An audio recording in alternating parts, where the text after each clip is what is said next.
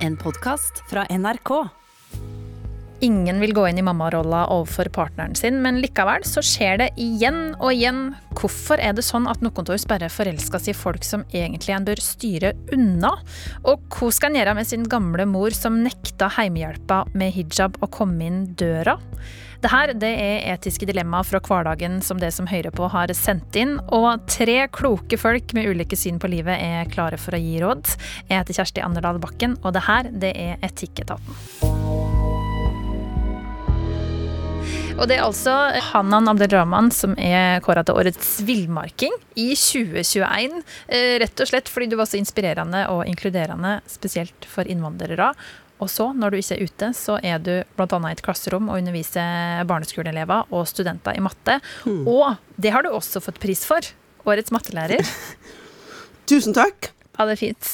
Og så er det altså Erlend Osnes. Eh, altså, det er typisk standup-komedie å få oss til å flire av andre folk. Men eh, du, Erlend, får oss liksom til å flire av det i lag med det. Er det lov å si det, eller?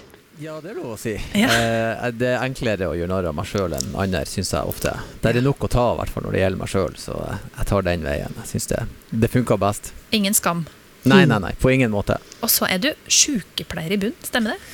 Ja, eh, i alle fall nesten. Jeg fikk jo aldri jobba noe særlig med det før komedien tok meg. Og sånn. Sett i ettertid så er jeg vel egentlig glad for det. Jeg trives godt med å være komiker.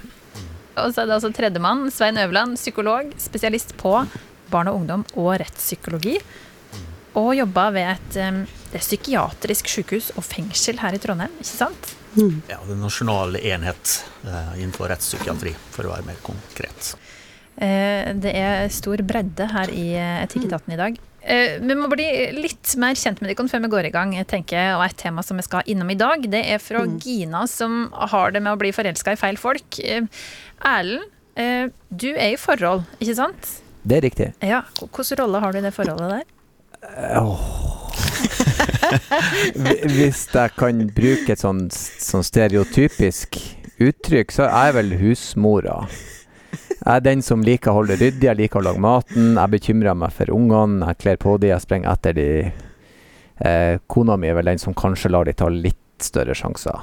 Og ja, kan gjerne ha det rotete. Så jeg vet ikke. Jeg, jeg, og jeg trives godt med å være husmor. Og det får jeg være når jeg jobber som komiker. Jeg får være mye hjemme og stelle og vaske og ordne og styre. Så. så får du masse materiale til et nytt show? Ja, går jeg og tenker på ting. Jeg har ikke noe bedre uttrykk for det enn husmor. Mm. Hushen kan òg funke, eller husperson, eller han som vil være hjemme. Ja. du, du, snakker om mannen min, du. ja, der ser du det er flere av oss. Ja, hvordan er det, Hanna? Har du samme rolla som kona ja, til Ellen? Jeg tror det. Jeg er litt mer eh, jeg som overnatter ute, klatrer fjell og sånn, mens mannen min han liker å være trygg på sofa, får hjerteklapp hver gang han ser bildene mine på Facebook. Send melding når du er nede, er det sånn? Ja. Hva har du gjort nå? og, har de ikke eh, barn? Ja, vi har eh, en gutt på 19 og en på 16. Ja. Ok, riktig. Um, hvordan er det med det, Svein? Altså, sist jeg spurte om du ville være med i Etikketaten, så var du på iglotur med kona.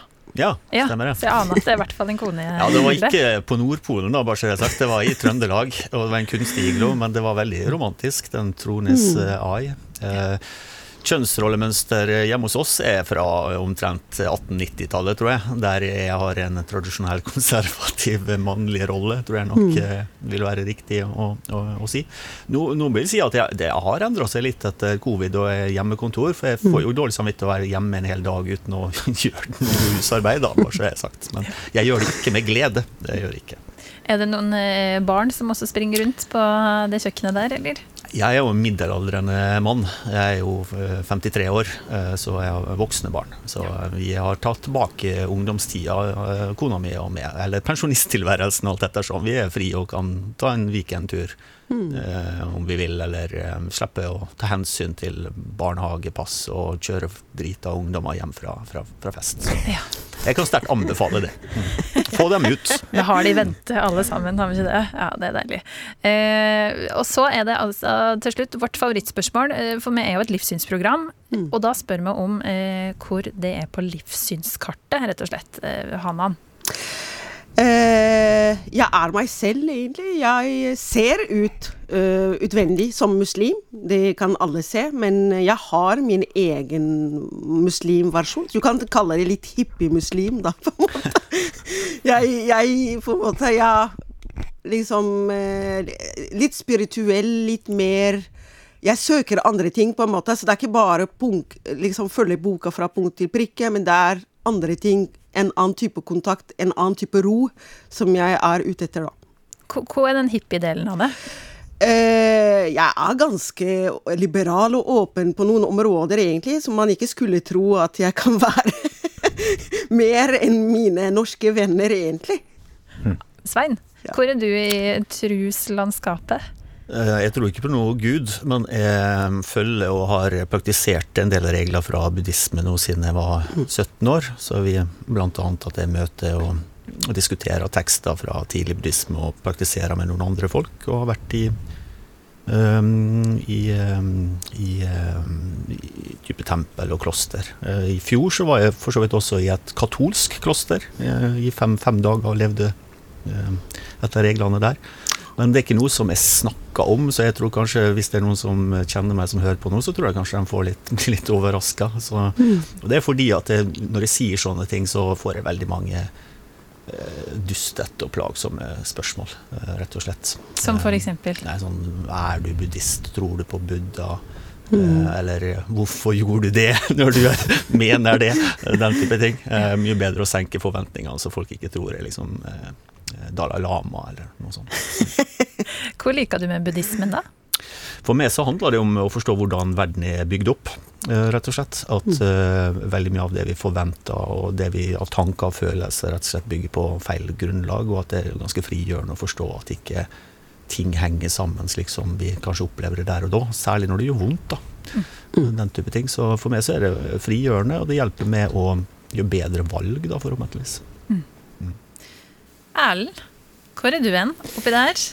Nei, jeg, jeg, jeg, vet hvor jeg er, men jeg har egentlig ikke noen betegnelse. Jeg har jo selvfølgelig, som de fleste gjør i løpet av livet, tegn på det med en skaperkraft og sånn. Og det mm. nærmeste jeg egentlig har kommet, det er at uh, skaperkraften er det du ser når du ser ut vinduet ditt, det er naturen.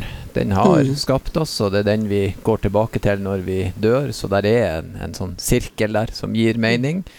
Og sånn rent sånn eh, hvordan jeg ser på meg sjøl. Altså, jeg, jeg, har bare erfart at hvis du er snill og grei med folk, så får du det i retur, og så har du det bedre med deg sjøl. Så det er to sånne enkle regler jeg egentlig bare har lagt meg på. Jeg vet ikke hva jeg skal kalle det.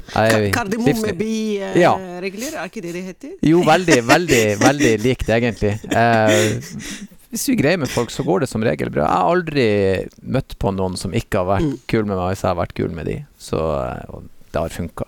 Mm. Stor bredde i Etikketaten i dag, vil jeg si. Både geografisk, eh, dialektmessig, kan vi avsløre, og når det kommer til livssyn, veldig bra utgangspunkt for å gi råd rundt eh, etiske dilemmaer som det som hører på, har sendt inn til oss.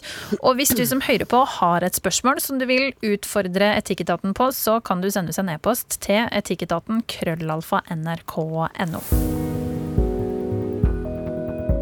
Første spørsmål i dag det kommer fra Gina, og hun har gitt ei overskrift. 'Ufrivillig frelser', skriver hun til oss. Her er posten. Jeg faller alltid for dårlige typer. Mannfolk som har hatt en røff oppvekst, og som på en eller annen måte strever med dette i voksen alder, appellerer til meg. Det er akkurat som om det bor et behov i meg for å bli i lag med noen som jeg kan fikse og være en ny mor for. I mange år så så jeg ikke det her sjøl, men det gjør jeg nå takka være samtaler med gode venner. Nå har jeg blitt singel igjen, og jeg håpa å kunne gå inn i et forhold der jeg ikke den som bare gir, men også den som får. Hvordan kan jeg slutte å forbarme meg over folk som trenger ei mor og ikke en kjæreste? Helsing Gina. Det er fristende å starte med, med psykologen her. Eh, Svein, hva tenker du om Gina som fell for menn som strever i livet? For det første så vil jeg si at det er en ganske vanlig problemstilling. Eh, nå må jeg si at jeg møter jo mest dem som faller for drittsekker, da. Eh, altså, altså, kvinner som faller for drittsekkmenn. Eh, mer enn eh, Altså for tøffinger mer enn tøffelhelter, da, for å si det sånn. Men det handler nok om det samme, at du faller inn i en rolle og har vanskelig for å komme, komme ut av det. Generelt så vil jo jeg si at det å ha innsikt er jo alltid en god start, men det er veldig ofte ikke nok. Du må gjøre noe handling, og veldig ofte så handler ikke den, eh, den relasjonen da handler ikke bare om kjæresterelasjoner. Personer med den behovet har ofte behov også for å ha det i vennereaksjoner også. Eh, slik at sånne typiske råd som, eh, som jeg gir i sånne situasjoner, er at man generelt skal trene på å være litt mer drittsekk mot folk, rett og slett. Altså ikke være den som hele tida tar med en ekstra kake når du går på fest. Ikke alltid den som rekker opp hånda når folk spør om er det noen som kan hjelpe. Altså ta ned hånda litt generelt, da. Ikke bare i, i, i kjærligheten. Mm. Men eh, Hanan, er det alltid feil at Gina går inn i en slags omsorgsfull morsrolle overfor det her mennene som må bli i lag med, tenker du? Men jeg tenker også Jeg kanskje hadde begynt med å spørre hva egentlig er problemet til Gina, da. Hvorfor, gå, hvorfor, liker hun å gå i den rollen? Hva slags trygghet de gir henne å gå til den rollen? Fordi kvinner, vi kvinner, vi gjør ikke ting bare for å gjøre ting. Altså, det er ikke tilfeldig. Og det er ikke tilfeldig at hun gjør det hver gang, på en måte. Så det er sikkert et eller annet hos henne, et eller annet problem, da. Kanskje fra barndom, eller en slags usikkerhet, da. Eller noe hun ønsker å fylle inni seg, som gjør at hun liker å gå i den rollen, da. Kanskje hun føler et slags eh, til, Altså et eller annet selvtillit, eller Ja. Så det er jeg, jeg tipper at man må starte med Gina og ta ordentlig prat med henne og se hva, hvorfor hun gjør det, da. Mm. Eh, Erlend, hvorfor faller vi alltid for det her bad guysa? Nei, jeg, jeg satt og hørte litt nå, og så tenker jeg at eh, sånn som jeg sjøl har opplevd mitt kjærlighetsliv fra jeg traff kona mi, så Altså i, i, i, mangel av kjærlighet så tar du det nest beste, og det er avhengighet. Det er noen som trenger meg. Mm. Og eh, mm. veldig ofte så kommer du inn i et forhold der det ikke nødvendigvis er kjærlighet i relasjonen, men der er en avhengighet. Og det føles likt, for du er der for noen, og du blir verdsatt og tatt vare på. Mm. Og så innser jeg jo òg med årene at ikke alle jeg har møtt og ikke ble sammen med, var fette gale, som vi sier her nordpå. Eh, de bare passer ikke for meg. Man må slutte å se på de som om at nei, han er en bad guy, eller det er feil. Det er bare at dere passer ikke i lag, og når det ikke er ekte kjærlighet, så tar du avhengigheten, og så ruller du gårde med den, for det er trygt. Så jeg mm. vil si til Gina at eh, eh, bli mer egoistisk i relasjonen. Tenk hva får jeg ut av dette? Ikke i form av gods og gull, men hva får jeg av kjærlighet og komplimenter, omsorg og støtte når jeg trenger det? Så i alle relasjoner så tenker jeg veldig egoistisk. Hva har jeg igjen for å være venn med dette mennesket? Jeg gir av meg sjøl. Jeg vil ha like mye tilbake. Så, eh, så, ikke slå deg til ro med nest best. Eh, pakk tannbørsten og stikk på dagen. Eh, du, du, du, kjenner når du kjenner det. Mm. Men Svein, hvorfor går vi i det her mønsteret? Må vi tilbake til barndommen? Ja, det er jo ikke nødvendigvis barndommen med foreldrene dine, men altså, vi er jo summen av de erfaringene vi har hatt. slik at hvis du har hatt uh, lignende forhold før, og du har vært trygg i det, veldig enig i det Erlend sier der, altså at du må skille mellom kjærlighet og på en måte trygghet, eller i verste tilfelle avhengighet. Mm. Og jeg tror nok veldig mange er litt uh, utålmodige når det gjelder kjærlighet. Uh, de slår seg litt vel til ro med nest best, istedenfor å, å på en måte holde ut og så vente mm. litt og slå til når, når, når, når det går. da. Mm. Og så er jo folk er, er, Altså Vi mennesker, da, uten å være helt filosofiske her, da, vi, vi, gjør jo veldig mye for å unngå ubehagelige situasjoner og tanker. Så når vi, vi føler at ting ikke virker, så vil vi allikevel ofte ikke prøve å løse problemet, vi vil prøve å unngå problemet. Og noen ganger så er det å unngå problemet i kjærlighetslivet bare å fortsette, istedenfor faktisk ja. å, å, gå. da. Og så må det sies da at uh, om det er uh, drittsekker, eller om det er litt sånn uh, personer som må ta vares på, så merker man kanskje ikke det helt i begynnelsen. Uh, F.eks. Ekle folk som slår, da. De begynner ikke å slå i første date, liksom. De venter liksom til de, uh, til de har kommet litt under huden på det. og de Eh, tøffelheltene der, skulle du si. De er kanskje eh, romantiske i begynnelsen, og så sklir de mer og mer og ligger på sofaen og vil at du skal hente kaffe og pledd til dem. Så mm. du må være litt obs på den der overgangen, eh, og så tenker jeg legge merke til å gjøre noe med det da. Mm. Du må aldri pakke helt ut av toalettmappa, høres det ut som. Susanne syns han eh, Erlend. Alltid være beredt. Alltid klart å stikke. Ja. Men er det her eh, Er det bare damer som går inn i denne omsorgsrolla, eller klarer det også å se for dere at eh, mennene går i samme loopen? Ja, det tror jeg er, Ja. Forskninga er veldig tydelig på at det her er ikke kjønnsavhengig, mm. bare så det er sagt. Men du hører mer av den typisk kjønnsstereotypene, eh, for jeg tror også eh, menn fremdeles Det ser du i forhold til krisesenter, at eh, menn mm. blir slått og herja mer, men det veldig sjelden, eller sjeldnere, da.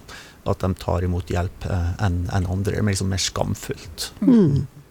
Men eh, litt omsorg må jo kunne gi eh, Hanan i det her relasjonene. Men eh, det handler om å gi og ta, da. Fordi ja, man kan, som herrene sier, da, at man gir i en periode, men du kommer til et punkt hvor du føler at det hele er helt absurd, da. Du blir helt tappet av energi, de begynner å tære på deg, rett og slett. Og da er det ikke sunt, så jeg støtter det de, disse to sier, da, at eh, hun må bare stikke og liksom eh, hva, hva skal jeg si eh, det, det her er ikke sunt. Det, det skal ikke være sånn. Men det er vanskelig å se sjøl, Ellen. Ja, men jeg på å si Selvfølgelig skal man jo gi omsorg, men, men jeg husker et sånt uttrykk fra sykepleien. Den faderlige og den moderlige omsorgen. Der den moderlige er den 'kom hit, så skal jeg blåse på kneet og ordne plaster', mens den faderlige 'børst av deg, eh, hopp opp, vi prøver igjen'. Så du må jo på en måte kunne sette krav til vedkommende som bor hos deg. Hvis det, jeg kan trøste folk, men liksom dag tre så er det sånn Nå, nå slutter vi. Nå må vi Nå må jeg liksom stramme inn grepet litt. Og det er også omsorg, da. Sånn at eh, kanskje Gina skal prøve å lete den opp av hatten og så si at eh, du prøver å smøre den brødskiva sjøl, så ser du at du mestrer den, og kanskje du føler deg bra. At du styrer det litt mer. Mm. Det her minner meg på eh, noe som en stadig ser på film. Jeg vet ikke om det er sånn i virkelighetens veien, at damer sender brev til folk i fengsel. Du som er psykolog i fengsel. Ja, ja, Er det en greie? Ja da. Og besøke. Og det er folk som stopp, har stoppa meg på gata og sier 'hei, jobber ikke du i fengsel', kan ikke du formidle kontakt? Det, Mm. det, der, er, det der er sant. Det er ikke bare medieskapt, for å si det sånn. Mm. Men det må være noe helt annet. Tror du ikke det?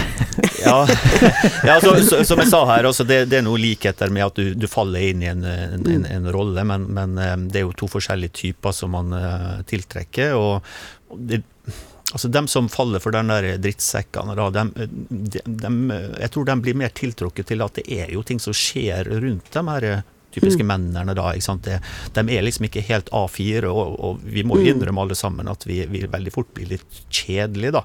Og folk, når de ser rundt på livet sitt, så blir det liksom Var det her livet mitt, liksom? Jeg hadde jo lyst til å bli astronaut, og, og, og så blir jeg liksom jobba i kommunen. Ikke det er noe gærent i det, da, men det er en slags mismatch, og da blir folk lett tiltrukket til folk som på en måte har slått ned og drept og voldtatt, og politi og blålys. Og så er jo det å komme på besøk Jeg bruker å si det å komme på besøk i fengsel, det blir jo, blir jo mer lidenskapelig sex da enn hva, hva som eh, man ellers veldig ofte har. da. Er, det motsatt? Er det sånn at du har menn som er veldig interessert i damer som sitter inne? Nei, det ser man ikke så mye. Nei, det ser man ikke. Men- så men- eh, menn er mye mer fornuftig der, da.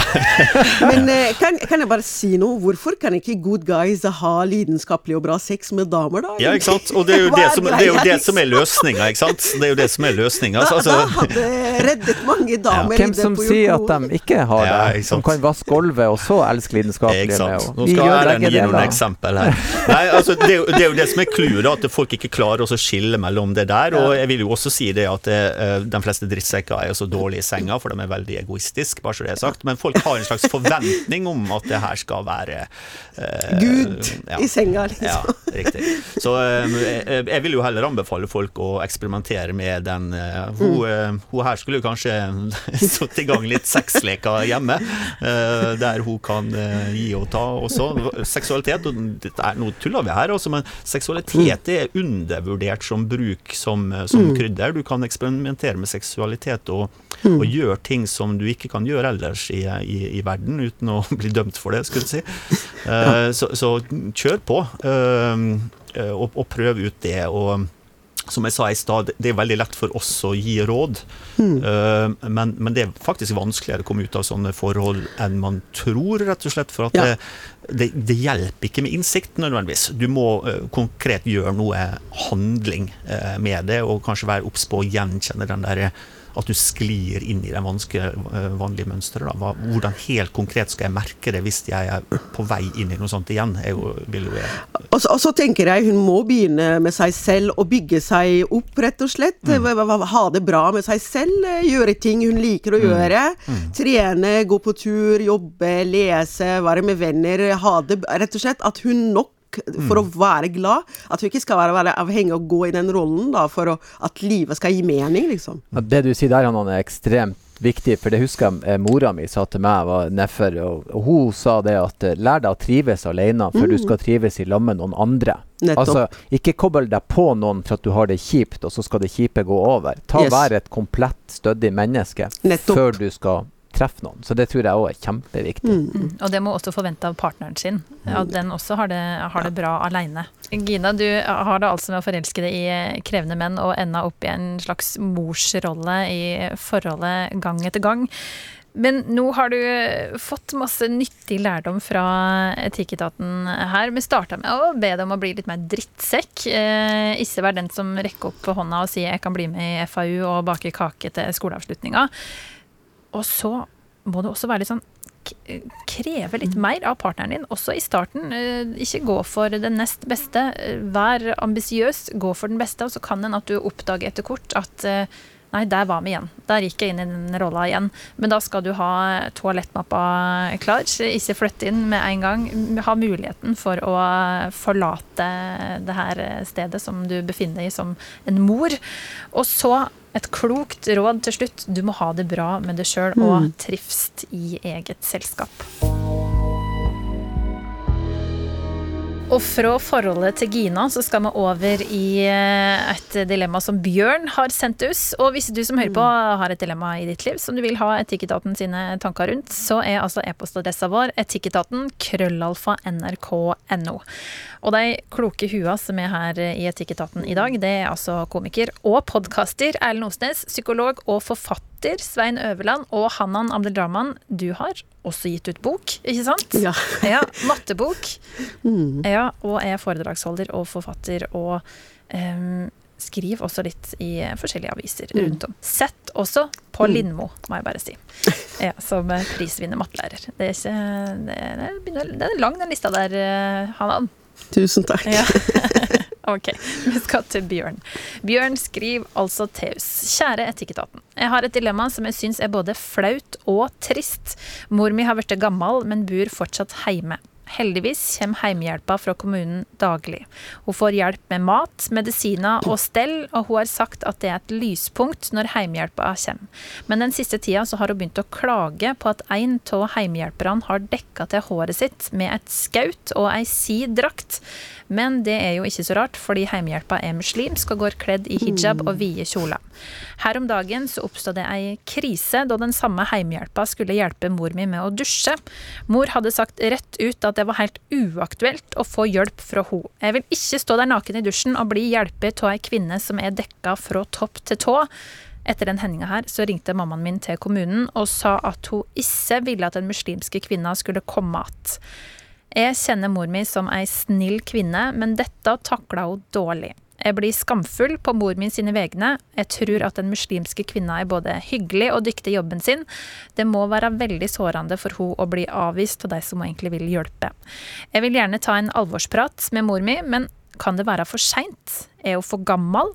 Og hvordan skal jeg ordlegge meg hvis jeg skal gjøre et forsøk? Takknemlig for alle råd. Helsing Bjørn. Hannan, du, ja. det, her vondt, det, her er vondt, for alle parter. Ja, det er uh, veldig vondt, men jeg tenker uh, det hjelper ikke å snakke strengt og Jeg vet ikke hvor gammel mammaen hans er, da. Antakeligvis godt voksen. Ja, ikke sant. Mm. Men jeg tenker uh, det hjelper ikke å være streng og ta alvorsprat, men mer forståelsesprat, tenker jeg. At man kanskje setter de to damene sammen og prøver å gjøre dem kjent med hverandre. Hvem er du, hvem er du? Prøve å fortelle hva er det egentlig hun dama da, som jobber i hjemmehjelp, hva er hennes utdanning, hva er hennes oppgave? Eh, kanskje prøve å forklare litt om seg sjøl, hvor hun bor, at hun har familie osv., og, så videre, og gjøre dem trygge på hverandre. Jeg er litt mot at man skal hjelpe mennesker som er skeptiske og redde med å være streng og kjefte på de. Det hjelper ikke. Ut fra min lang erfaringspedagog, snart 20 år, da. Så når du ser et menneske som er redd og skeptisk, så det beste som hjelper, er faktisk å roe ned og prøve å få det mennesket til å forstå, og ikke minst prøve å forstå moren, da. Hennes skeptisk. Hvorfor er hun redd? Hvorfor er hun skeptisk, da? Hvorfor tror du hun er redd, Erlend? Eller skeptisk, Eh, iallfall. Først så kan jeg, må jeg bare si at jeg har jo jobba i eldreomsorgen og geriatrien, da, både på sykehjem og i hjemmesykepleien. Og eh, jeg har òg eh, fått beskjed om å forsvinne.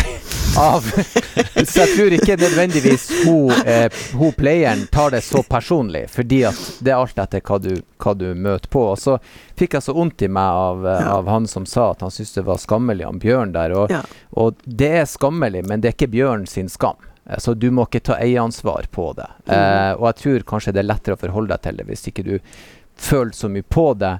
Eh, hvorfor hun er Komikeren i meg ville jo sagt til og hadde vært bedre hvis vedkommende var naken i lag med deg i dusjen, da. Altså, I stedet for å være heldekka. Hva er det du er ute etter her? Skal vi alle Altså jeg, jeg, jeg, men, men det her er jo, eh, som han sier, det er litt sånn minefelt, for du kan ikke Mm. du kan ikke bygge forståelse med å være streng, og, og vi gjør det så mye i dag når folk ytrer meninger. Altså vi, vi stilte opp eh, i, i hopetall og vendte ryggen til sidene. Og, og det å vende ryggen til noen er det styggeste du kan gjøre mot et menneske. Og da blir de bare enda mer innbitte og hatefulle. Hvis vi hadde satt oss ned og sagt her er ei vaffel, her er en kaffe. Spør nå bare. Hva er det du lurer på? Og der tror jeg han er inne på. noe. la de to damene Spør litt. Hva heter du? Hvor kommer du fra? Eh, hva betyr det her? Eh, veldig ofte så er det ignoransen som, som skaper usikkerheten. Så, men ignoranse kan kureres. Eh, det det er hatet som er vanskeligere. Vi må bare ikke skyve de over i, i hatet. Mm. Hvordan- altså, jeg må bare spørre Hanan. Eh, kan, hvis det er bare eh, mor til Bjørn til stede og denne heimesykepleieren, Ja. kan hun ta av hijaben, Ja. eller er ikke det greit? Ja, jo, faktisk også. Eh, hvis, og det er spesielt hvis det er en sånn spesiell situasjon, en eldre dame da, hun skal hjelpe. Selvfølgelig kan hun det. Og så tenker jeg det er derfor det er veldig viktig å prate. Da kan moren faktisk si men du, jeg blir faktisk litt skeptisk kanskje og redd når du har noe på hodet. Og da vet hun andre om det, da. Men hun andre kan ikke gjette på en måte at hun er skeptisk pga. det. Så det hjelper å ta en ordentlig prat om det, og at man viser sine grenser og hva som går og ikke går. Og da finner man som regel en bra løsning, da. Svein, er det mulig å endre inntrykket som en godt voksen kvinne har, eller har de grodd fast i et spor? Nei, altså, det har ingenting med alder å gjøre, i hvert fall. Uh, alder i seg sjøl. Men det er klart at uh, det er jo ikke slik at alle som er over 70 år er like. De har jo forskjellig personlighet, så vi må passe på så ikke vi putter alle i en kategori. Så ja, altså jeg hadde jo sjøl en, en, en mormor som jeg var, var veldig nær før hun, hun døde. Hun ble jo nesten 100 år og levde to verdenskriger. Eh, og hun fikk en tysk lege. Og i begynnelsen så nektet hun å forholde seg. De har jo vært si, kasta ut av hjemmet. og hun opplevde jo andre verdenskrig. Eh, men han legen etter hvert uh, fikk et veldig godt forhold til, til henne, fordi han nettopp uh, tilnærma seg henne på en veldig respektfull måte. og jeg husker en gang jeg spurte henne etter hvert, for da etter hvert så ble hun veldig glad, i han legen der, og spurte liksom, hva er det, hva er det han gjør så bra. Så sier han vet du hva, så er han holder med hånda mens han snakker til meg. Og det hadde ingen andre leger gjort. da. Så, så jeg tenker at ta ett steg om gangen. og og Det typiske problemet her er jo sånn pseudo-uenighet. altså at Man tror at man har forventning. sånn som det spørsmålet du stilte om, kan man gjøre sånn? Ja, genialt spørsmål. og så gjør det, og så vil jeg tenke hun her eh, Hjelpepleieren hun har sikkert opplevd det før, vil jeg anta, så jeg ville jo spurt henne. Erlend, du som har eh, erfaring fra geriatrien, ville du at Bjørn eller pårørende skulle tatt kontakt og vært litt sånn eh, diplomater oppi det her, eller? Nei, altså sånn i utgangspunktet, så eh, hvis jeg hadde kommet til en pasient og, og døra var stengt for han ikke ville eller hun ikke ville prate med meg, så hadde jeg snakka med lederen min og sagt der, hva skal vi bytte? Jeg kan bytte med henne, så tar jeg heller den. ikke sant? Så bytter vi internt, og så får vi det til å gå rundt på et vis. Altså, jeg skal ikke Hvordan kan jeg si det her uten at det høres horribelt ut? Når folk er veldig gamle så jeg, har- jeg har mange gamle mennesker i min familie som har livssyn som jeg ikke er enig i. Og så tenker jeg sånn Hvor mange år har han igjen? Hvor lang tid skal jeg bruke på det her? Altså hva er det jeg er ute etter her? Eh, hvis at det fungerer uten at jeg må ha de store konfrontasjonene, så er det egentlig greit for meg. Så kan jeg legge energien i ungene mine. Altså hvis de er pleietrengende og gammel og syk, skal man ha en prinsipiell kamp som kan kanskje gå over tid med møter med denne pleieren, eller skal man bare bytte på ruta, og så får kanskje alle en litt enklere hverdag? Jeg, jeg vet ikke. Det er også en, altså Hvis vi er ute etter en løsning, på en måte. Men eh, jeg, jeg, tenker overfor eh, hundepleieren, da, som kanskje ikke har vært veldig mange år i Norge, liksom, mm. og liksom er stolt av å få jobb i Norge, endelig, etter at hun har gått diverse kurs og jobbet ræva av seg da, for å integrere seg og sånn. Kanskje hadde det vært eh, viktig for henne at hun faktisk tar den praten med hun norske dama, og, og skjønner at eh, dette her er ikke rasisme, det er ikke hat mot personligheten hennes. At man prøvde begge to til å forstå, fordi eh, ja, det er sårende. Det er ikke greit at hun blir behandlet på den måten. At hun gjør eh, kanskje veldig bra jobb, men allikevel hun får stengt dør eh, foran mm. seg, liksom. Mm. Eh, hun må også forstå eh, hvorfor det her har skjedd. Eh, for hennes trivsel også i Norge, da. Ja, Hvis vi ser det på saken fra den andre siden. Mm. Så det er derfor jeg tenker ja, er, jeg, jeg, føler veldig mye, Bjørn. Det er ikke akkurat Men liksom sette de to damene i samtale. Lage mm. kaffe og kake. Få dem til å prate sammen. Bjørn, um, mor di vil altså ikke ha denne eh, hijabkledde hjemmehjelpen inn i huset sitt igjen. Og du spurte Etikketaten hva du skal gjøre med denne uh, vanskelige situasjonen. Det her er for det første ikke din skam, det her er såkalt vikarierende skam, ha Thomas Giertsen i bakhuet. Det er mest flaut for han at han eh, driver og kløner på i det her livet sitt på TV. Og skap forståelse på et vis. Hvis hun heimehjelpen her eh, har lyst på et råd, som Svein sa så klokt her, så kan du være å kanskje gjøre hennes arbeidshverdag litt Eh, lettere. Og hvis hun da har lyst til å skape forsoning og mer forståelse, så er det som alltid veien inn til hjertet, det er kake og kaffe. Fram på bordet med det, og ta en god eh, samtale med det her. Kanskje, kanskje kan Bjørn også lære noe av, å bli med på denne praten, eller være tilskuer og um, lytte til det her damene som vi er ganske sikre på egentlig finner tonen. Jeg tror de er ganske like, egentlig, eh, innerst inne. Nå skal vi ta en eh, pause fra dilemmaet som det som Høyre på har sendt inn, og så skal vi heller ta og bore litt mer i livssynet til det som sitter her i panelet i dag. Og det har vi jo allerede fått en liten pekepinn på at det er ganske eh, varierende. Og det er altså eh, Erlend Osnes, komiker og sykepleier, som sitter her i Etikketaten i dag, sammen med Svein Øverland, psykolog, og Hanan Abdelrahman, som er kåra til årets villmarking i 2021, og Norges beste mattelærer for noen år siden. Ok, dere skal få lov til å trekke en lapp fra denne hellige gralen. Svein, du skal få lov til å svare på det her først. Mm -hmm. Her står det Hvor kan få det til å miste huet? Oi.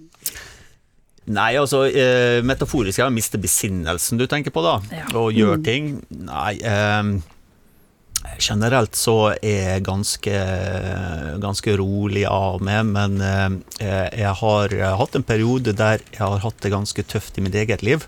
Og da merker jeg at eh, frustrasjonstoleransen min blir påvirka, så jeg blir mer hissig. Uh, og i utgangspunktet som person så jeg, kan jeg av og til være litt sånn arrogant sånn, fordi jeg tenker at jeg vet best. da. Så den kombinasjonen med at uh, folk begynner å snakke om ting som jeg føler at de ikke har peiling på, og at jeg er sliten og, og lei, uh, da tenker jeg det kunne være en sånn situasjon. Og så Noen ganger så, i en sånn situasjon så tror jeg det vil være knytta til at jeg, jeg, føler at jeg, jeg, har vært tålmodig nok, og nå må da mm. F folk ikke forstå. Når smalt det sist, da? Det var i en sånn situasjon der eh, faktisk det var i fengselet, da. Men det var på, på vaktrommet. Og så satt alle pleierne bortover sånn tett i tett i en, sofa, og så var jeg ganske sliten og sikkert litt eh, sur, og så var det en eller annen eh, fyr der som sa et eller annet som jeg syntes var tåpelig. Og så var jeg på vei ut av døra, og så bråsnudde jeg, og så gikk jeg helt opp til han og sa et eller annet som jeg ikke husker, et eller annet sånn, var det pip det du sier her nå? Og han, han, ble redd, og han tok ett steg bakover, og så var det en sånn dominoeffekt på alle folka, og så til slutt den som satt helt bakerst på benken, falt ned av benken. så det var jo litt sånn komisk eh, situasjon, da. Men eh, eh, jeg sa unnskyldning etterpå, da, og, og, og, folk hadde forståelse for det, for det tror de forsto at jeg egentlig burde holdt meg hjemme den dagen. Ja.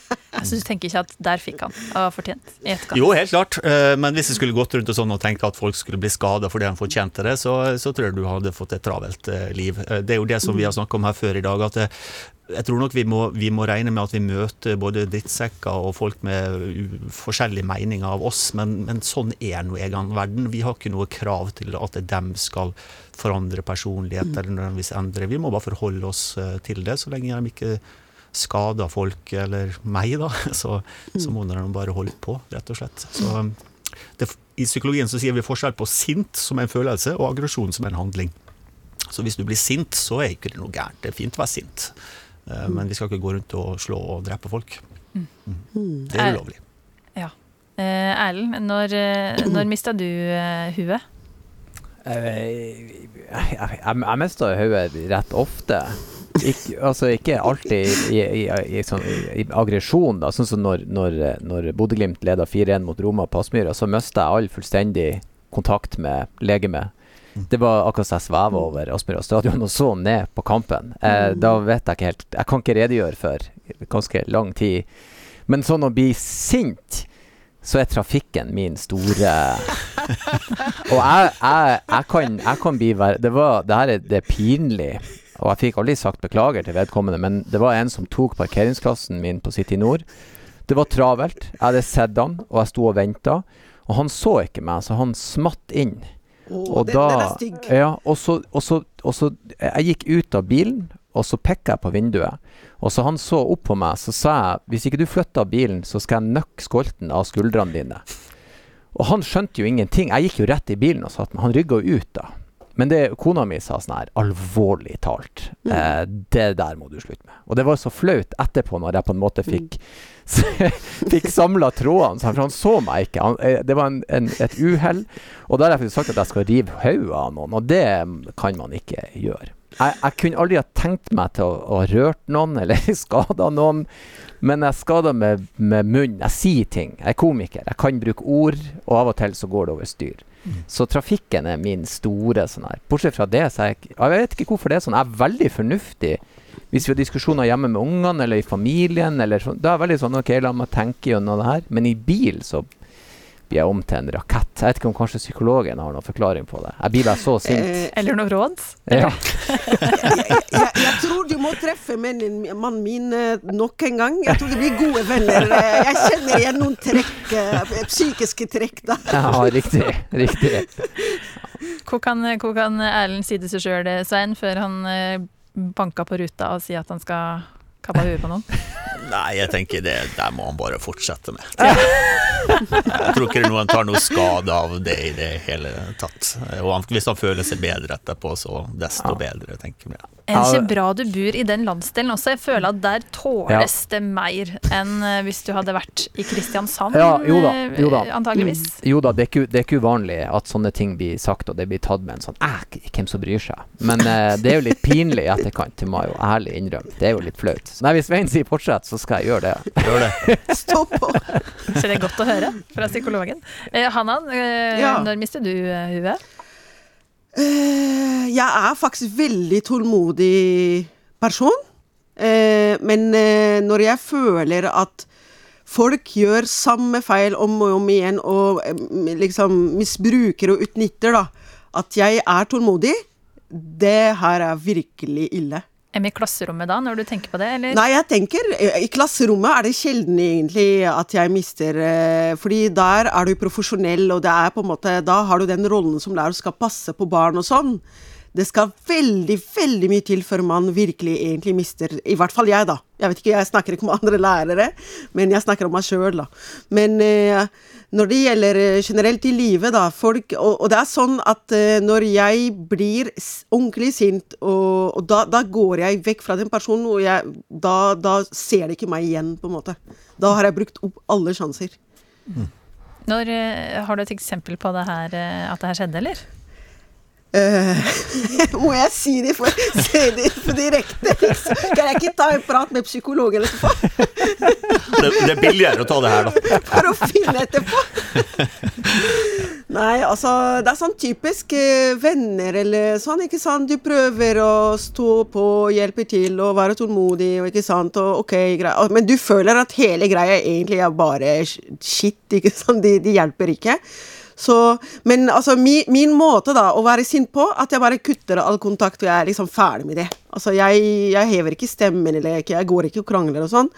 Men jeg er litt mer den typen at jeg bare går vekk, rett og slett. Men husker du det da for alltid? Eller kan du komme tilbake? Jeg glemmer ikke. Du glemmer Og da, da, er du flink, Hanan, for jeg skal alltid Jeg må ha den der erkjennelsen på at jeg hadde rett. Du gjorde meg feil. Hvis du bare kan kappe og gå, altså. Det, det skulle jeg blitt flinkere til. Ja. ja. noen kamper må du bare gi opp. Altså. Jeg har lært etter hvert, jo eldre jeg blir, at um, noen kamper må du bare Det hjelper ikke, altså. Mm. Men som sagt, eh, jeg kjenner igjen Jeg tror det med trafikk, det er noe som eh, I hvert fall jeg ser mannen min når han kjører og sånn. Så jeg, jeg, kjenner igjen en del eh, ting, da. Ellers tar jeg også et, gjerne et kurs med, med, med deg, Erlend, i forhold til sånn å komme med sånne syrlige kommentarer akkurat der og da, for jeg, jeg kommer ikke på disse kommentarene før dagen etter. Og det, Da er det liksom litt for seint, da. Så der skulle jeg gjerne ha, ha, ha lært litt, da. Ja, ha et lite sånn arsenal av ja, ting man kan så, si. Jo, jo. Trafikkurs, det skal jeg hatt med deg. Vi får legge ut noe et eller annet nå når det er koronatider, på sånn nettkurs ja. i hvordan uttrykk aggresjon Jeg skal nøkke skolten av det. Den skal jeg ta neste Hvis de forstår hva det er for ja, noe, da. Kan... Hvis du sier skolten av skuldrene, så får du bokstavrim. Skolten av skuldrene. Ja. Høres fint ut. Ja. Enda klare bokstavrim når du står der og er forbanna. ah, det er veldig fint. Vi skal inn i et siste dilemma med her i Etikketaten i dag. Og det dilemmaet der, det er et såkalt eh, oppfølgingsdilemma. fordi eh, For en tid tilbake så diskuterte vi i Etikketaten et spørsmål fra Ida som handla om det å være edru på fest. Og Ida skrev til oss at hun gjerne vil være med på fest, men at hun da er edru. Og grunnen til at hun da er avholds, det er fordi hun drakk for masse i periode og fant ut at hun måtte slutte. Pluss at hun går på noen medisiner som går eh, dårlig overens med alkohol.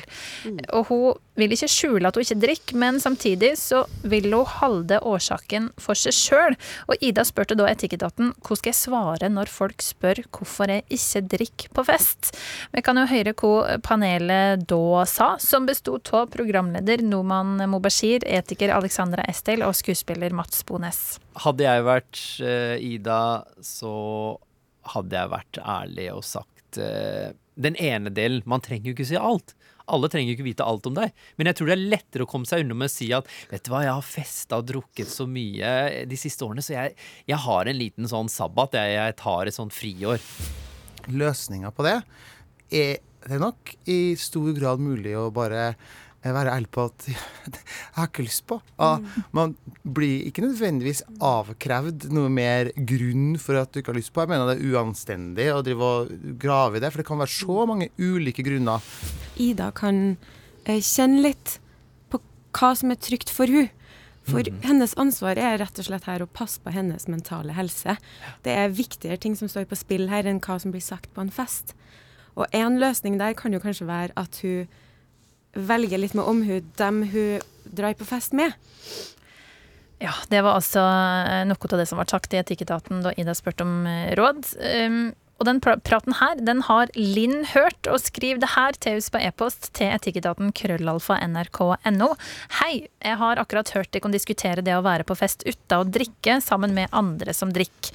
Og jeg ønsker å ta diskusjonen videre, skriver hun, og spør da hvorfor er definisjonen på en fest at en skal drikke masse? Ja. Komen hadde spurt de som drikker masse om hvorfor de gjør det. Eh, kan det være fordi de tenker at det er det som kreves når en er på fest? Eh, det er altså det Linn gjerne vil at Etikketaten skal prate om. Og i panelet i dag så sitter altså psykolog Svein Øverland, lærer Hanan Abdelrahman og komiker Erlend Osnes. Mm. Erlend, hvorfor tror du folk drikker på fest? Det tror jeg er fordi at i alle fall den landsdelen jeg er fra, så er man programmert at en fest innebærer alkohol, og det er masse alkohol. Eh, en fest feires ikke med, med, saft og brus, for da er det et barneselskap. Så, eh, men sånn er det bare. Folk de skal drikke alkohol. og mengder av det. Og så er det jo en sånn kultur der vi, der vi er veldig unnskyldende over folk som gjør eh, helt sinnssyke ting, og vi gjerne ler av det dagen etter og dyrker det. Eh, så det er en sånn slags eh, ja, drikkekultur som kanskje Jeg vet ikke om den er særegen for Nord-Norge, jeg tror den er sånn over hele landet, da. men det er i alle fall det jeg har jeg oppfatning av. At det er det vi blir programmert med fra vi blir sånn 15-16. og i alle fall sånn så her oppe når du I hvert fall når jeg var yngre, når du var konfirmert, så kunne du gå i lag med både foreldre og besteforeldre og drikke heimbrent. Og det var akseptert, for du var konfirmert, så slå deg løs. Så Mm. ja, det er det jeg tror det er. Vi er programmert til å tro det. Så vil det si at du tenker at det alltid er noen på fest som egentlig ikke vil drikke? Ja, jeg drikker jo ikke på fest lenger. Eh, fordi at jeg er ikke noe glad i det. Jeg blir ikke noe bra fyr. Jeg har ikke noe spesiell kontroll på det, og drakk eh, veldig mye i tider. Jeg elsker rus, men eh, enten eh, rus i den grad at jeg ikke egentlig har kontroll på hva jeg driver med. Jeg har aldri skjønt de som drikker et glass vin til maten. Eh, det smaker jo helt jævlig. Hvis ikke jeg kan utnytte det til å bedøve hodet mitt, så vil jeg ikke ha det. Sånn at jeg vil heller være edru. Jeg har oppdaga at eh, det er et veldig fint, behagelig og morsomt og innholdsrikt liv etter eh, alkohol og rus. Eh, men de færreste prøver jo på det, da. Mm. Så, men eh, det er veldig forskjellig. Eh, Hva tenker du, Svein? Hvordan, eh, hvordan ville en edrufest ha blitt? Hadde det vært helt greit? Og inviterte Ja, altså Det finnes jo mange folk som har fester der det ikke er alkohol. bare så det er sagt. Så det er fullt eh, mulig. og i mange, Apropos livssyn, og i mange, mange kulturer så er man mm. skeptisk til alkohol. Både av generelle grunner, men, men også fordi da, man, man vet jo det. At man gjør eh, rare ting og ting som man egentlig ikke vil. Eller mm, ja, man vil det vel kanskje innerst inne, det kanskje det som er problemet. Men hvem er du på fest, da? Er du den som, som nyter et glass rødvin, eller? Det er sjelden jeg er på fest lenger. Eh, nei, altså jeg vil nok eh, drikke det som blir servert, eh, tror jeg nok. Nå er jeg mer som det vil være sånn middager med venner, og da er det vanlig med mat og, og, og, og vin eller øl. Jeg, jo, jeg liker rus, da, så jeg er veldig enig i det. Så jeg kan sitte og ta med en whisky på, på kvelden på, i helgene, men da helst alene, da. Så folk er jo forskjellige, og det er jo fordi du får, det er en fin, fin den rusfølelsen jeg ønska. Men eh, jeg tror nok at veldig mange folk ut fra den kulturen du har, f.eks. hvis du eh, er veganer eller vegetarianer, og de får alltid masse spørsmål hvorfor spiser ikke du kjøtt, f.eks. Og eh, vi har snakket om det tidligere i, i, i eh, her i forhold til dem som er kristne, hvorfor må de hele tida liksom, forsvare hvorfor de er kristne. Jeg tror det er fordi folk synes det Folk tenker kanskje at eh, dem også skulle latt være å drikke, eller dem også skulle kanskje trene mer og spise sunnere, men så Og da blir de liksom provosert at det finnes folk som faktisk klarer det, og da vil du på en måte prøve Ja. å dytte deg inn i den gemene hopen, tror jeg. Jeg tror det ligger en sånn liten sånn psykologisk der, at vi rett og slett blir litt sånn provosert når vi ser folk som faktisk får til ting. Vi vil ikke folk godt, rett og slett. For da, da, da ligger det egentlig en erkjennelse på at vi også kunne ha fått dette hvis vi faktisk hadde guts. Litt, jeg trekker den litt langt, men jeg tror det ligger noe i det. Ja. Men Ja, det, han, det nikkes her fra mine Ja, kolleger. ja. Men Hanna, du, du kan invitere på edrufest, kan du ikke det? Jo da. eh, Jeg, jeg, jeg inviterer nå med en gang til en fest eh, klokka syv hos meg i dag. Ja. Se på premiene dine. ikke, ikke en dråpe alkohol hos meg hjemme, liksom. Nei, altså, men jeg tenker eh, Det er veldig morsomt å høre på dere som er etniske nordmenn, da snakke om det, men jeg kan fortelle litt fra min, mitt syn, som jeg er litt kommer utenfra, da. Fordi jeg f.eks. var invitert på en sånn eh, jobbreise, da. Og så gikk vi til en sånn eh, forretning som lager øl og sånn, og så var det sånn ølsmaking. Ikke sant? Og så eh, alle satt og mm, Det er godt, og det var mørk øl og lys øl og alle typer øl, og folk satt, og det var 100 stemning, ikke sant? Og så var jeg den eneste som satt med julebrus, ikke sant? det, er, det er flaut. Men eh, altså, og så får du de kommentarene, da. Ja, se her er lille barnet som ikke tør å smake, og ikke sant, sånn type ting, da. så det er den ene situasjonen, og så den andre situasjonen julebord, da. Alt som skjer, eh, julebord og alle oppslagene som kommer i avis og TV, da. Eh, alle eh, folk som eh, skiller seg, og alle som blir utro, alle som Ikke sant? Så Eh, altså, det er veldig privat. Altså, jeg tenker hva vi spiser, hva vi drikker, hva vi har på oss, det, det er jo søren meg privat, liksom. Eh, må hun forklare det? Skylder hun noen egentlig forklaring? Kan hun si 'jeg, jeg vil ikke'? Må hun si hvorfor, egentlig? Jeg, jeg, jeg tror liksom du er inne, du er inne på noe han, det med privatliv. For jeg drikker jo ikke av private årsaker. Jeg har vært åpen på det. Men det er litt sånn så man går jo lei av å forklare at eh, nei, jeg, har masse alkoholikere i familien min som sliter med pillemisbruk og hjemmebrent. Må du si det ja, til alle, du? jeg har ikke lyst til å så, og, brette private livet? så- Ja, sant. Og så av og til så er ikke det nok for folk at du sier 'jeg har ikke lyst til å drikke'. Og det er litt sånn som uh, psykologen var inne på, at, at uh, folk blir litt sånn 'men faen, jeg vet at det jeg gjør egentlig ikke er bra for meg', men jeg vil ikke at du ikke skal gjøre det. Jeg vil at du skal være med på å gjøre det dårlige jeg gjør. Sånn som når du ikke hvis du trener og andre ikke trener. Ikke sant? Hvis kjæresten din ikke trener og du gjør det, så blir hun misfornøyd. Så der er en litt sånn dynamikk i det der. Eh, og så syns jeg jo sånn som han, han er heldig, fordi at du kommer fra en kultur der du, du må på en måte avgjøre hvem er jeg på fest. Hvor langt tør jeg å slippe meg løs og være meg sjøl? Eh, tar jeg meg sjøl selvhøytidelig? Kan jeg gjøre narr av meg? Kan jeg danse? Kan jeg være en Ikke sant? Og det tok lang tid for meg å lære det. Det tok ti år før jeg kunne danse på en festival og ikke skjemmes. Og de fleste nordmenn de, de, de utforsker ikke det området, for de lar alkoholen bestemme for seg. Ja, det er trist, da. Ja, det er litt dumt. Og egentlig så burde folk gi det et forsøk. Hvem er jeg? Altså, kjenn på ekte glede. Eh, kjenn på ekte eufori. Eh, selv om jeg er veldig jeg er glad i rus, bevares når Svein sa det om whisky, og sitte og slappe av og se på en solnedgang og høre på noe Pink Floyd og bare kjenne at jeg liker det òg, men der er masse glede hvis at du på en konsert bare slipper deg helt løs. Men som sagt, det blir aldri utforska. Folk vil ikke eh, prøve den biten der. Men det, som er, altså Psykologien er jo full av sånne morsomme eksperiment, sosiale eksperimenter det er på gruppepress, der du kan se hva folk faktisk gjør når alle andre rundt deg gjør det. Et veldig kjent eksempel var jo noen eh, forskningspersoner som får beskjed om at det skal, eh, de skal være med på et eksperiment som snart begynner i et annet rom.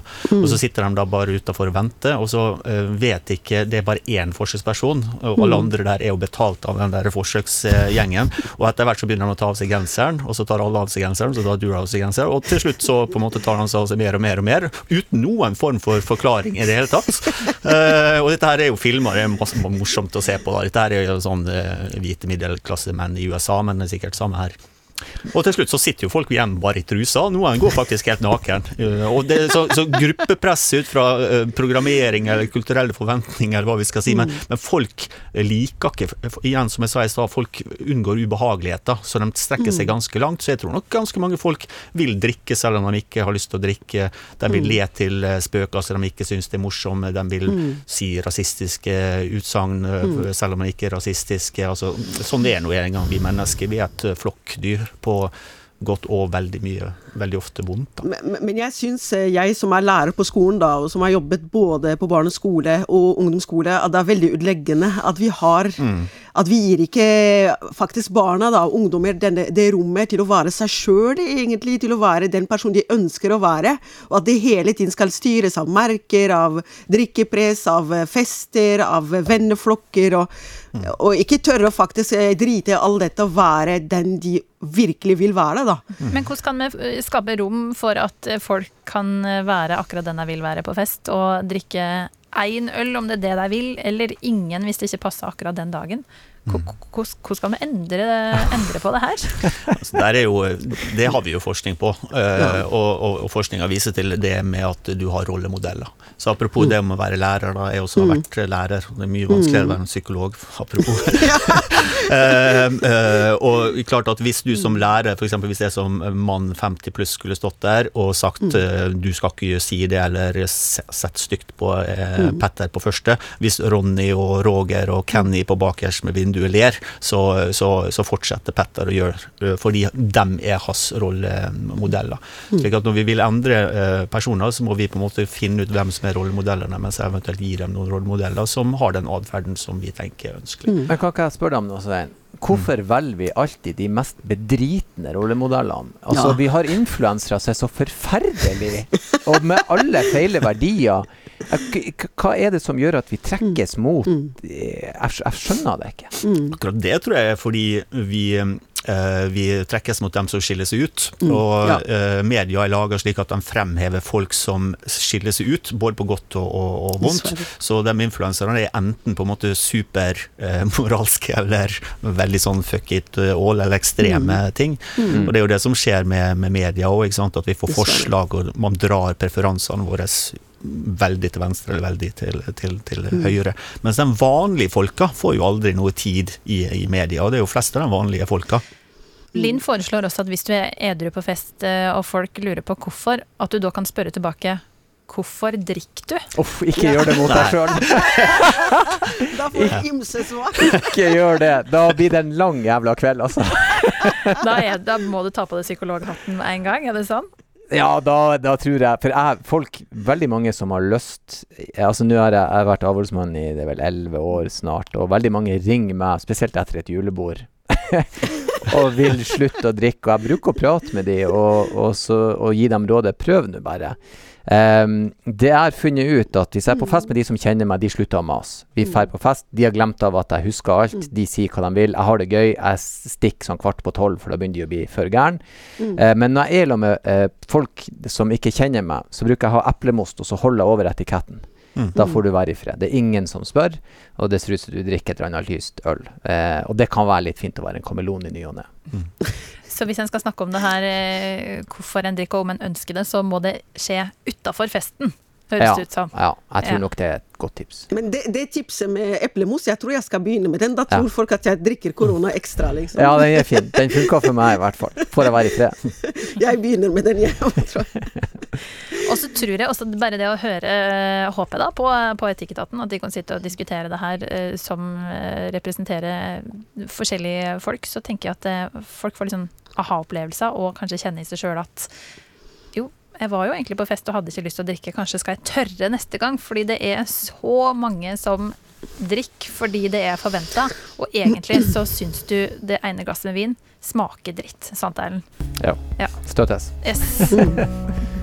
Og med det så var Etikketaten eh, ferdig for i dag. Eh, Tusen hjertelig takk for at jeg kan komme, psykolog Svein Øverland, lærer Hanan Abdelrahman og komiker Erlend Osnes. Eh, Vi er på plass altså i P2 klokka tolv kor torsdag, og så kan det høres som podkast hver eneste uke. Og hvis du har et spørsmål til Etikketaten, så kan du sende inn på e-post til etikketaten krøllalfa nrk.no.